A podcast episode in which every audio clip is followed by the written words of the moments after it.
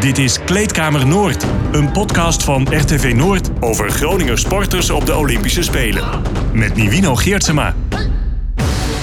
Want op 23 juli beginnen de Olympische Spelen. Samen met de sportcollega's Henk Elderman en Karel-Jan Buurken probeer ik je helemaal bij te praten over alles wat er speelt. Zodat je bij het begin van de Spelen precies weet waar het om gaat en op wie je moet letten. Dat doen we door eh, met zoveel mogelijk Groninger sporters voor te beschouwen.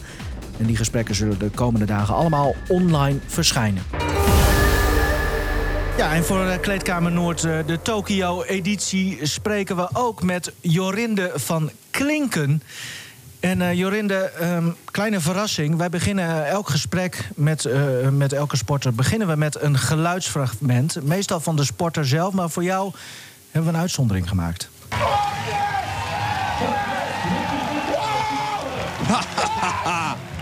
Ja hoor, hij doet het en dat is dan zijn grote klasse. De nummer 3 van het wereldkampioenschap, de nummer 3 van het vorige EK. Hier komt alles eruit. Hij staat in de finale, ja. En nu is hij wel een soort van bevrijd. Kun je het uh, zeggen? Ja, dat wel. Dan uh, in de finale maar uh, de 65 meter, de Olympische limiet. Smit in ieder geval finalist op het EK. Kun jij je dit nog herinneren, Jorinde? Ja, ik was hier natuurlijk wel nog vrij jong. Ik was pas 16. Maar uh, ja, dat, uh, dat was natuurlijk een heel mooie afscheid toen voor hem. Dat hij op zijn laatste toernooi dat nog uh, presteerde. Even kort voor de historicus uh, Henk Elderman. Even, wat, wat was dit precies? Waar luisterden we naar? naar Rutger Smit en naar de commentator natuurlijk van de NOS. En dit was inderdaad, zoals Jorinde al zei, vijf jaar geleden. Toen was je inderdaad 16. Dit was in 2016 op het Museumplein in Amsterdam. Want daar vond de kwalificatie voor de finale van het EK een dag later uh, plaats. En Rutger die haalde de limiet om zich te plaatsen voor die finale. En ging echt helemaal los. Een van mijn ja, mooiste momenten die ik ooit van een uh, sporter uh, gezien heb. Heb jij ook zo geschreeuwd toen jij die 70 meter 22 gooide? Nee, dat is eigenlijk uh, het enige moment waarop ik heel blij was en niet uh, heel uitbundig reageerde. Omdat het dus eigenlijk van zo'n andere klasse is. Dat het. Ja, ik, ik, was, ik kon niet eens echt. Ja, nu nog steeds, ik kan het gewoon niet beseffen. Dus dan heb je ook die directe reactie er niet op. Met die uh, 65, een paar dagen ervoor had ik dat bijvoorbeeld wel. Maar 70 is zo ongelooflijk ver dat ja, dat ik dat eigenlijk voor het eerst, uh, dat ik juist heel erg stil ervan werd. Ja, je was beduust, je... begrijp ja. ik. Beduust. Ja, ja, ja, ja klopt. Mm -hmm. En als je dan zo'n afstand ziet, hè, uh, dat komt dan op een bord te staan. Ik heb daar ook wat foto's van gezien.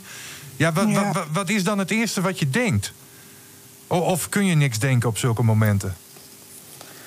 Um, ja, eigenlijk, um, ik wierp hem en ik was toen nog heel erg bezig met hem in de ring te houden, omdat ik er dus bijna uitviel. Uh, maar ik zag, toen ik opkeek, toen zag ik hem landen heel dicht bij ja, de laatste lijn die op 70 lag. Ik dacht, nou, zijn mijn ogen me nu aan het bedriegen? Hoe kan dit? Ja. Hier zal iets niet uh, goed gegaan zijn. Hoe bijzonder is dit uh, ja, voor iemand van jouw leeftijd ook? Ja, ja dat is echt bizar. Ik, ja, ik heb dit al zo vaak gezegd, maar werpen is echt een sport waar je op latere leeftijd pas echt aan het pieken bent. En um, ja, op je 21ste al zo ver werpen en eigenlijk ja, de maximale afstanden die vrouwen in hun carrière werpen al halen, dat is, ja, dat is eigenlijk een soort van onmogelijk. Uh, misschien in het dopingtijdperk dat dat gebeurd is, maar ja, nu heb je gewoon veel meer jaren nodig om die techniek en die kracht te ontwikkelen. Dus ja, dat is heel bijzonder. Heb jij, uh, kreeg jij ook, want je noemt doping, breng jij zelf nu in dit gesprek. Kreeg jij, zag je ook gefronste wenkbrauwen op een of andere manier? Of heb je ervan gehoord via via? Um, nou ja, in heel veel interviews trekken ze dat er natuurlijk wel bij, omdat er zo weinig prestaties in de allertijdenranglijst eigenlijk uh, na dat tijdperk geworpen zijn. Omdat je dus in mijn sport zoveel voordeel ervan hebt. Uh, dus ja, het, het wordt er eigenlijk bijna altijd wel bijgetrokken. Maar ik denk toch niet. Ja, ik heb nog niet echt gehoord dat mensen echt zeggen van nou, uh, jij uh, zal vast wat doping gebruikt hebben. Want jij ziet er toch wel zo mannelijk uit of zoiets. Dus ja, meer dat het aan de sport gekoppeld wordt dan aan mij, denk ik. En ja, dat is ook wel heel terecht, lijkt mij. Ja. want dat was dus hè, met de discus. Uh, laten we even met het negatieve beginnen. Kogelstoten. We hebben het uiteindelijk toch over de Olympische Spelen. Ja, één, uh, één discipline ga je, ga je er doen met de discus kogelstoten. Niet hoe, is dat dubbel voor jou of ben je gewoon überhaupt blij dat je daar staat? Um, ja, nou, het is nog niet helemaal zeker of ik de kogel niet red, maar die kans is gewoon heel groot. Uh, ik kom waarschijnlijk rond de 4, 35ste plek op de World Ranking uit en je moet top 32 zijn. Uh, dus daar ga ik waarschijnlijk net buiten de boot vallen, inderdaad. Limiet niet gehaald. Dus dat is zeker wel heel jammer. Uh, maar ik denk dat het jammerder was geweest als ik zeg maar ja, eigenlijk voor discus daar alleen voor drie kwalificatieworpen heen ging en dat was het. En dat is nu natuurlijk wel een heel ander verhaal. Ik uh, ja, sta nu bovenaan de wereldranglijst en ik heb gewoon echt uh, een goede positie om in ieder geval die finale ook te werpen. Dus ja, dan heb je in ieder geval nog twee wedstrijden en kom je daar niet voor drie worpen en je mag weer naar huis. Dus in dat opzicht uh, valt het allemaal wel weer mee. Ja, maar nog even terug hè, naar die kogel. Is het dan zo, Jorinde, van nou ja, je bent er toch, dus je maakt nog wel kans zeg maar, om ook die kogel te doen bij de Spelen? Um, nee, nee, zo werkt het niet. Je moet echt uh, of de limiet werpen, of je moet top 32 op de wereldranglijst staan. En dat systeem is heel ingewikkeld, dus daar kunnen we denk ik verder ook beter niet op ingaan. Maar um, ja, ik sta daar dus waarschijnlijk ook net wat te laag op. Dus dan, ja, dan heb je ook echt inderdaad direct geen kans om mee te doen. Nee, even voor de duidelijkheid. Uh, jouw uh, afstand, uh, momenteel jouw PR is 18 meter 6, meende ik. En je had 1850 ja. moeten gooien bij het NK afgelopen weekend. Ja. Zo zit het ongeveer in elkaar, hè? Ja. Even terug, hè. Je memoreerde net al even van... ja, 2016, dat was vijf jaar geleden. Um, uh, toen trainde jij natuurlijk ook al bij, bij Groningen Atletiek. Heb jij in die tijd, ja. zeg maar, dat je daar uh, onder Joop ter Voort uh, onder andere getraind werd, ook, ook nog met Rutger Smit te maken gehad? En, en, en ja, hoe is jullie relatie? Um, ja, ik, ik ken Rutger niet super goed. Ik heb hem wel een paar keer gesproken. Um, onder andere inderdaad dat hij af en toe in Groningen wel eens langs is gekomen. En ook maar hij trainde volgens mij toen er tijd in Amerika. Dus hij was ook weer niet zoveel in Nederland. Um, dus ik heb, ik heb hem wel een paar keer gezien. Maar het is niet dat wij regelmatig contact hebben. Of dat ik hem persoonlijk echt heel goed ken. Nee, en goed voorbeeld doet dan goed volgen? Want jij zit nou ja. uh, sinds januari ook in Amerika. Ja, nou dat, dat, heb, dat heb ik eigenlijk nog nooit zo over nagedacht. Um, en hij trainde ook niet bij een universiteit, dus het is wel ietsje anders. Maar mm -hmm. ja, ik denk dat we allebei wel van het mooie weer houden. En uh, ja, dat we allebei daar ons ja. plekje goed gevonden hebben. Maar dat is voor je, voor je lichaam dan toch ook uh, gunstiger? Ja. ja, enorm. Ik merk gewoon zo erg aan mijn lichaam dat als het kouder is, dat ik uh, ja, gewoon veel minder controle heb over mijn lichaam. En dus ook veel minder snel en goed technische veranderingen door kan voeren. Dus ik ben er echt wel van overtuigd dat het warme weer mij uh, heel erg helpt in mijn, in mijn uh, progressie. En hoe is het weer in Tokio in uh, eind juli, begin augustus? ja, warm als het goed is. Um, ook iets luchtvochtiger wel dan in Arizona, waar ik dus train. Daar is het heel erg droog, dus daar zweet je eigenlijk ook niet. Maar um, in Tokio gaat het waarschijnlijk wat klammer zijn en wat broeieriger. Dus ja, dan moet ik vooral ook uh, kijken hoe ik grip op mijn discus kan houden, bijvoorbeeld. Maar voor de rest, uh, de hitte, die zal wel aanwezig zijn. Train je daar zeg maar ook op, uh, op die omstandigheden? Dus dat, dat het net wat luchtvochtiger is. Heb je daar in Arizona ruimtes dat je daar dan in, in traint of zo? Hoe moet ik dat zien? ja, ik ben nu dan wel in Nederland. in, op Papendal is een klimaatkamer. En daar kunnen ze dus ja, eigenlijk alle omstandigheden nabootsen. Dus daar zou je eventueel wel uh, ja, in kunnen gaan zitten en kijken hoe het is. Ja. Maar in, in Amerika heb ik ook in Texas bijvoorbeeld wel wedstrijden gehad. En daar was het eigenlijk heel vergelijkbaar met uh, Tokio. Ja. Dus ik heb het al wel uh, ja, meegemaakt. En we gaan ook tien dagen op trainingskamp in Japan. Dus dan zullen we er ook zeker mee te maken krijgen. Ja. Um, ben jij daar dan de nummer 1 en, en die afstand 70 meter 22? Verwacht iedereen dat jij ook gewoon daar het goud pakt?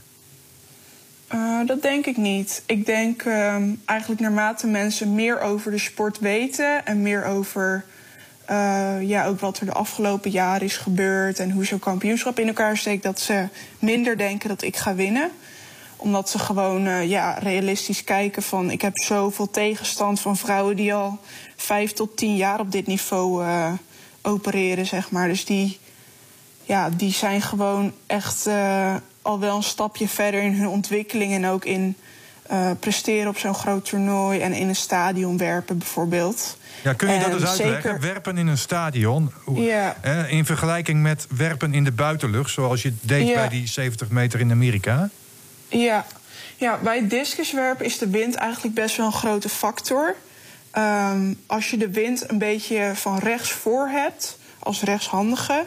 dan staat hij eigenlijk perfect om de discus dus nog verder te kunnen dragen... dan in het geval van windstilheid. En in een stadion is eigenlijk alles afgeschermd. Dus dan heb je inderdaad te maken eigenlijk altijd met geen wind.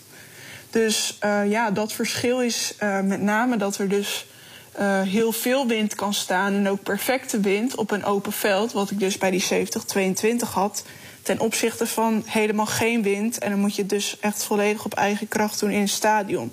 Wat ook weer mooi is, want dan ja, heeft iedereen echt dezelfde omstandigheden... en kun je echt zien wie de beste is. Mm -hmm, ja. Uh, nog even weer terug naar vroeger. Ja, daar hou ik zo van, uh, Jorinde. Maar hoe, hoe, zagen jouw eerste stappen eruit als discuswerpster? Ja, dat is een goede vraag. Hoe, hoe ik, kwam je erbij ook, zeg maar? Hè? Ja. Wat, wat bracht je ertoe? Ja, Nee, ik uh, zit echt al sinds heel jongs af aan wel op atletiek. Uh, vanaf zeven jaar denk ik al wel. Dus dat is toch wel twee derde van mijn leven inmiddels al. Um, en ik heb eigenlijk altijd alle onderdelen gedaan. En ik vond dat ook het leuke aan atletiek, die veelzijdigheid. Uh, maar op een gegeven moment ja, kreeg ik gewoon zulke sterke benen... wat ik dan eigenlijk geërfd heb van mijn vader. Mijn zusje heeft dat bijvoorbeeld ook. Mm -hmm. ja. Um, ja, dat het talent voor de explosieve nummers, dus uh, bijvoorbeeld sprinten en springonderdelen en dus met name het werpen, dat dat gewoon heel erg naar voren kwam. En toen, ja, mijn vader die kende Joop ter Voort dan van vroeger. En toen heb, heeft hij eigenlijk contact met hem opgenomen of ik misschien bij hem in de groepen af en toe eens mocht meetrainen. Ja, en toen is het eigenlijk binnen een paar jaar wel heel duidelijk geworden dat ik toch wel uitzonderlijk talent had voor het werp. En ja, wordt het, dan wordt het natuurlijk ook steeds leuker als je er ja, steeds beter in wordt. En bijvoorbeeld ook NK-medailles gaat winnen bij de junioren. Mm -hmm. Maar ja, ik, vind het, ik heb het wel altijd belangrijk gevonden om dus wel die veelzijdigheid te behouden. En dus in mijn trainingen doe ik af en toe dan nog uh, ja, sowieso veel sprinten, maar ook sprongen, mm -hmm. horden lopen en uh, verspringen er nog bij. En dus ook kogel en discus. Ja, werpen. Wat, wat is jouw PR bij, bij verspringen bijvoorbeeld? Uh, 5 meter 85. Kijk. Is dat uh, goed, Henk? Nou, dat is een aardige afstand. ja. Voor iemand van mijn gewicht ja. is dat uh, wel uh, misschien wel een wereldrecord. Mm -hmm. ja, want, want, als ik even kijk, zeg maar, uh, een, een meerkampster bijvoorbeeld, een Anouk Vetter ja. of zo. Nou, die springt 630, 640, zoiets. Ja. Dus, dus dan kom je daar aardig bij in de buurt. Ja. En zij trainen er echt op. Ja, jij, ja, jij hebt dat ook wel een beetje gedaan natuurlijk, maar... Hè, ja. ja. En, en kogels slingeren dan? Of, of speerwerpen? Is dat, heb je daar nog eens iets in gezien? Um, ja, speerwerpen, daar heb ik zelf heel weinig aanleg voor. Dat is wel altijd het nummer geweest van mijn vader. Dus uh, daar is hij waarschijnlijk ook wel een beetje verdrietig ja. over dat ik ah. dat helemaal niet. Nee hoor, Jammer. dat vindt hij prima. Maar um, uh, kogelslingeren heb ik er wel naast gedaan, omdat je daar wel heel goed ook je kracht en explosiviteit in kwijt kan. Uh, maar op een gegeven moment ja, kwam ik echt op een zo hoog niveau met kogel en discus dat ik heb besloten om dat derde nummer toch wel te laten vallen omdat dat gewoon, ja, twee nummers is al nauwelijks te doen, laat staan drie. Ja, en is, is het trouwens een combinatie die makkelijker te maken is, stoten en slingeren of, of stoten en discus? Um, is, of heb jij nu de meest logische combinatie ook te pakken of niet? Uh, nou, ik denk dat er überhaupt niemand is die het op het hoogste niveau combineert. Uh, Rutger was er ook altijd een uitzondering in. En ja, ik ben dat eigenlijk nu ook. Omdat het toch, ja, het zijn allemaal wel weer net iets andere nummers. En ik denk inderdaad, als je uit die drie moet kiezen welke combinatie het meest voor de hand ligt, zal het wel kogel en discus zijn. Zeker met de technieken, dat ik allebei een draaitechniek doe. Ook al zijn ze allebei net iets anders, uh, ligt het toch wel het meest uh, het dichtst bij elkaar. Nog één ding hierover, en het is echt niet grappig bedoeld, maar als baby gooide jij dan ook al met, met dingen of is dat, is dat heel raar? Um, is het niet nou, grappig om bedoeld? eerlijk te zijn, om eerlijk te zijn kan ik nauwelijks eh, herinneren wat er vorig jaar allemaal is gebeurd. Dat staat voor als baby. Dus. Nee, oké. Nou, misschien eh, zei- zeg je vader dat van ja, nee, maar vroeger eh, was het ook al. eh, Nou, nou, ik denk eerder andersom. Hij vond het altijd heel leuk om met ons te gooien. Oh. Dus, Ah, oké. We stoppen nu eh, wel met dit onderwerp dan. nee. Hey, en, en wat, is jouw, ehm, eh, wat is jouw binding met Groningen trouwens? Kom je hier vaak? Eh, wa- wa- wat, eh, ja, wat heb je met Groningen? Ja, nou, ik, ik train natuurlijk dan sinds 2012 of zo, 2011. Ik weet niet meer precies. Eh, maar train ik echt in Groningen meerdere keren per week. Eh, op een gegeven moment zelfs vier of vijf keer in de week.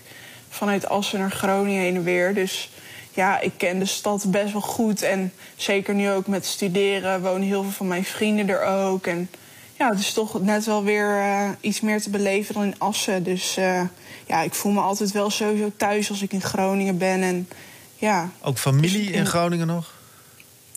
nou, mijn ouders zijn er allebei wezen studeren. En mijn moeder die komt er ook vandaan. En haar ouders zijn wel overleden. Maar zij komt er dus officieel wel vandaan. En verder eh, woont mijn familie nu vooral in het westen. Oké. Moeder Maar uit, de uit de stad? Of, eh, Ja, uit de stad, ja. Oké. Ik eh, wil toch weer even terug naar Tokio. Want het is natuurlijk eh, vijf jaar geleden. eh, hè, Rutger Smit eh, zagen we. Maar vijf jaar Ja. geleden zagen we natuurlijk ook Rio. Dat Ja. heb jij ook gezien. Had jij toen al het Ja. idee van daar ga ik staan? Of, of ben je daar maniacaal mee bezig geweest? Of juist helemaal niet? Hoe, hoe sta je daarin? Toen. Ehm, nou, toen had ik zeker niet verwacht eigenlijk dat ik er over vijf jaar al zou staan. Ehm, ja, 2016, hoe ver wierp ik toen? Pff. ja, 53 of zo, misschien nog minder. Dus dan heb je echt nog wel eh, een flinke 10 meter te gaan, zeg maar. Misschien wierp ik nog wel minder hoor, ik weet niet meer precies. Ehm, dus ja, zo snel had ik denk ik niet verwacht. Dat is eh, eigenlijk met de jaren wat bijgesteld dat het toch wel steeds realistischer werd. Maar ik heb altijd wel eh, het vertrouwen en de droom gehad om ooit op de Spelen te staan. Dat zeker wel. Nu is het zover. Wa- Wat verwacht je daar even los van, van wat jij in dat stadion gaat doen? Maar gewoon het daar zijn en, en dingen meemaken. Wat, wat verwacht je daarvan? Ja, dat vind ik een hele moeilijke vraag. Omdat ehm, ik heb het daar eigenlijk ook nog niet echt heel veel met andere mensen over gehad. Omdat ehm, ja, sowieso gaat het heel anders zijn dit jaar natuurlijk met corona. Ik hoop gewoon dat er ehm, ja, wel wat Japanners in het stadion zullen zitten bijvoorbeeld. Want bijvoorbeeld nu het afgelopen weekend het NK... dat, dat voelde voor mij toch wel behoorlijk uitgestorven zonder publiek. En ik denk voor de Spelen dat het ook wel eh, ja, een hele andere ervaring zal worden als eh, zij er niet zijn. Maar ja, ik denk dat er gewoon heel veel potentie zat in de Spelen in Japan. Dat ze een soort eh samurai-vechters bij de openingsceremonie gingen inzetten, bijvoorbeeld. Of Ja. ja. gewoon echt die cultuur en die historie uit Japan, dat, daar kan je natuurlijk heel veel mee.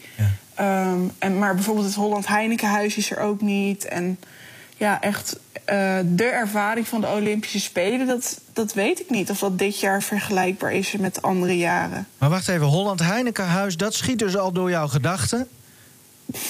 Ja, want Gewoon om, dat mee te gewoon om dat mee te maken. Ja, oké. Zeg maar, ieder- iedereen heeft het altijd over dat daar echt enorme feesten zijn. En bijvoorbeeld mijn vrienden uit Amerika. één iemand heeft een vader die dan eh, altijd de Spelen cameraman is. En die zei, nou, nergens is het zo'n feest als in het Holland Heinekenhuis. Nee. Dus eh, Maar ja, goed. gewoon dat soort dingen. Ja, maar dan wil je daar als publiek eh, staan of wil je op het podium daar staan? Want daar moet je wel wat voor doen, hè? Ja, weet je, van tevoren is dat zo moeilijk te zeggen. Omdat, zoals ik net zei, ik heb zo zware concurrentie. Met name van drie andere vrouwen. Nou ja, zoals iedereen weet, er zijn drie medailles te verdelen. Dus ja, ik zal een van die eh, bizar goede vrouwen moeten verslaan... als ik een medaille wil halen. Dus dat is het plan. Maar dat, dat is natuurlijk niet een makkelijke opgave. Waar verheug jij je op ehm, om, om in het publiek eh, te kunnen zitten... of in ieder geval van dichtbij te aanschouwen, andere sporten, even buiten de atletiek? Eh, ik denk dat dat niet mag. Volgens mij mag je alleen je eigen sport eh, eventueel bekijken. Maar ik weet bijna zeker dat ze dat voor andere sporten hebben eh, ja, gecanceld. Ja, ja er waren wat, we hebben natuurlijk met meer sporters gesproken. Sommigen die, die wisten het ook nog niet zeker hoe dat precies zat. Maar stel, hè, je, Ja. je mag naar alles toe. Wat is dan een sport dat je denkt van ja, daar wil ik ook wel dicht op zitten. Dat wil ik zien Ja. Nou, ik vind het heel jammer dat de volleybalvrouwen zich niet hebben gekwalificeerd. Want dat vind ik echt een hele leuke sport om naar te kijken. Eh, de mannen weet ik trouwens niet zeker. Weten jullie dat? Nee, die zijn nog, nog minder niet, goed. hè? Ja. Nee, dus eh, dat is jammer dat Nederland daar niet meedoet. Turnen vind ik ook altijd heel leuk om naar te kijken. En ik heb vroeger altijd paardrijden gedaan. Dus dat, Ah. dat was ook wel leuk geweest om dat eh, te aanschouwen. Ja, en ik las ook nog ergens eh, hip-hop. Maar dat is geen Olympische sport, hè, volgens mij. Nou, weet ik niet. Volgens mij hebben ze wel iets toegevoegd dit jaar. Maar leg eens uit. Dansen? Ja, dat vind je Of hip-hop dat ik naar die. Ja, ik, ik heb dansen altijd heel leuk gevonden. Maar weet je, dat zie je ook best wel terug in het discuswerpen. Hè? Dat het ook eigenlijk net een soort eh, ja, dubbele pirouette is. Ja. Ik vind dansen gewoon echt een hele leuke sport. En ik heb dus hip-hop gedaan, ook modern. Dus ja, dat, eh, ja dat, dat vind ik gewoon echt heel leuk om te doen ook. Wat mij nou leuk lijkt is, stel dat jij, hè, stel, we, eh, gewoon niet te veel druk opleggen, maar stel dat, dat je gewoon even op dat podium van het Holland Heinekenhuis dan een, een robot move doet of zo. Of iets uit de hip-hop dans. Nou, die hip-hop, dat is al wel echt eventjes een flinke tien jaar geleden hoor. Oké. Dus dat. prima. Ik weet niet of dat er nog helemaal in zit. Maar eh, ja, modern heb ik eigenlijk vrij recent tijdens mijn topsportcarrière er zelf nog naast gedaan. Eh, ook wel, ja, dat was eigenlijk ook wel voor de reden om nog beter te werpen. Omdat ik mij nooit zo goed kon ontspannen. Zeg maar mijn spieren. Dus ja, met discuswerpen heb je gewoon heel erg die eh, goede balans tussen eh, spieren aanspannen en spieren ontspannen nodig. Dus dat heb was een heb mooie je manier naast de leren. hip-hop dan weliswaar eh, van langer geleden, maar heb je nog andere bijzondere bezigheden naast de sport eh, waar je ons mee kunt verrassen? Nou, ik vind koken en bakken wel heel erg leuk. Maar dat is niet heel verrassend, denk ik. Want Ja. werpers moeten gewoon heel veel vreten. Dus eh, Kijk, moet je ook veel koken. ja, wat eet je dan? Ehm, wat, wat, ja, wat- Ja, kogelbiefstuk. Dat is wel een hele slechte Ja, grap. sorry. Ja, nou ja.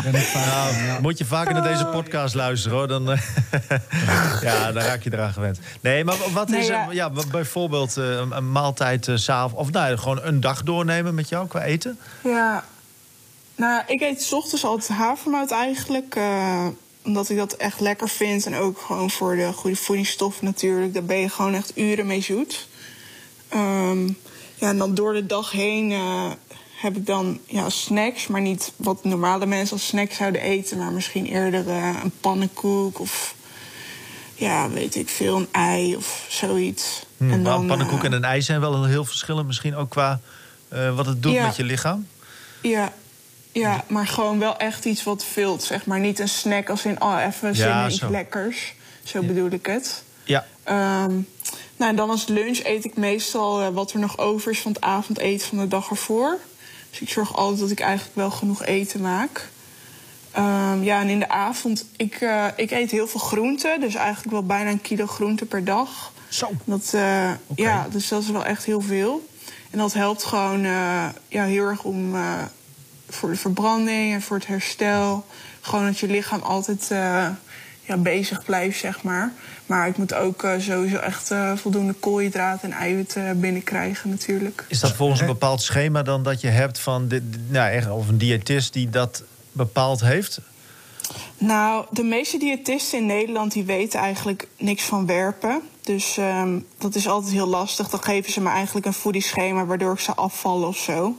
En gewoon wel bijna duizend calorieën te weinig. Dus eigenlijk eh, ja, regel ik dat zelf wel tegenwoordig. Omdat ik gewoon echt merk eh, dat ik echt wel veel meer nodig heb dan wat zij denken. Oké, dus niemand die jou daarin een, richtlijn eigenlijk eh, geeft?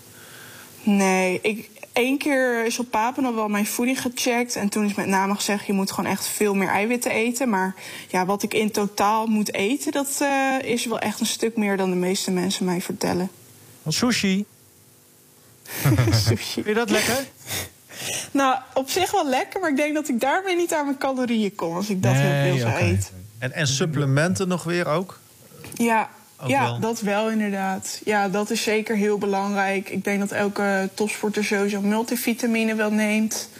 Ehm, Ook eiwit, dan- eh, eiwitrepen of eiwitpoeder, shakes? Of, ja. eh, Ja, oh, ja eiwitshakes inderdaad. Maar ook eh, ja, waar ik dan eigenlijk dit jaar achter ben gekomen... is dat omega-3 ook heel belangrijk is. En eigenlijk voor iedereen. Uh, Ik heb daar ook best veel artikelen over gelezen... dat zelfs uh, met kanker helpt het, maar ook met hoge bloeddruk... en zelfs voor oogaandoeningen kan het helpen. Dus ja, dat, dat vind ik wel gek eigenlijk... dat daar zo weinig kennis nog over is in Nederland... Dus dat uh, ja, is een beetje mijn bevinding van dit jaar waar ik dan achter ben gekomen en wat ik dus ook nu extra gebruik. En volgens mij ook wel een, uh, vanuit Azië wel een fenomeen wat is overgewaaid, hè? Dat, dat visolie, omega-3. Ja, Azië en bijvoorbeeld in uh, Scandinavië slikt ook iedereen het gewoon dagelijks. Ja. Dus uh, ja, ik was daar gewoon heel verbaasd over dat daar in Nederland nog zo weinig over te doen is. Hoef je dat in ieder geval niet mee te nemen in je, in je vliegkoffer? Ehm, dat is waar. Ik denk dat wij jou heel veel succes gaan wensen. Verder geen geouwer over medailles, maar heb vooral veel plezier. En uh, laten we elkaar ja. na de Spelen uh, uh, weer spreken. Ja, en over groenten gesproken, Jorinde.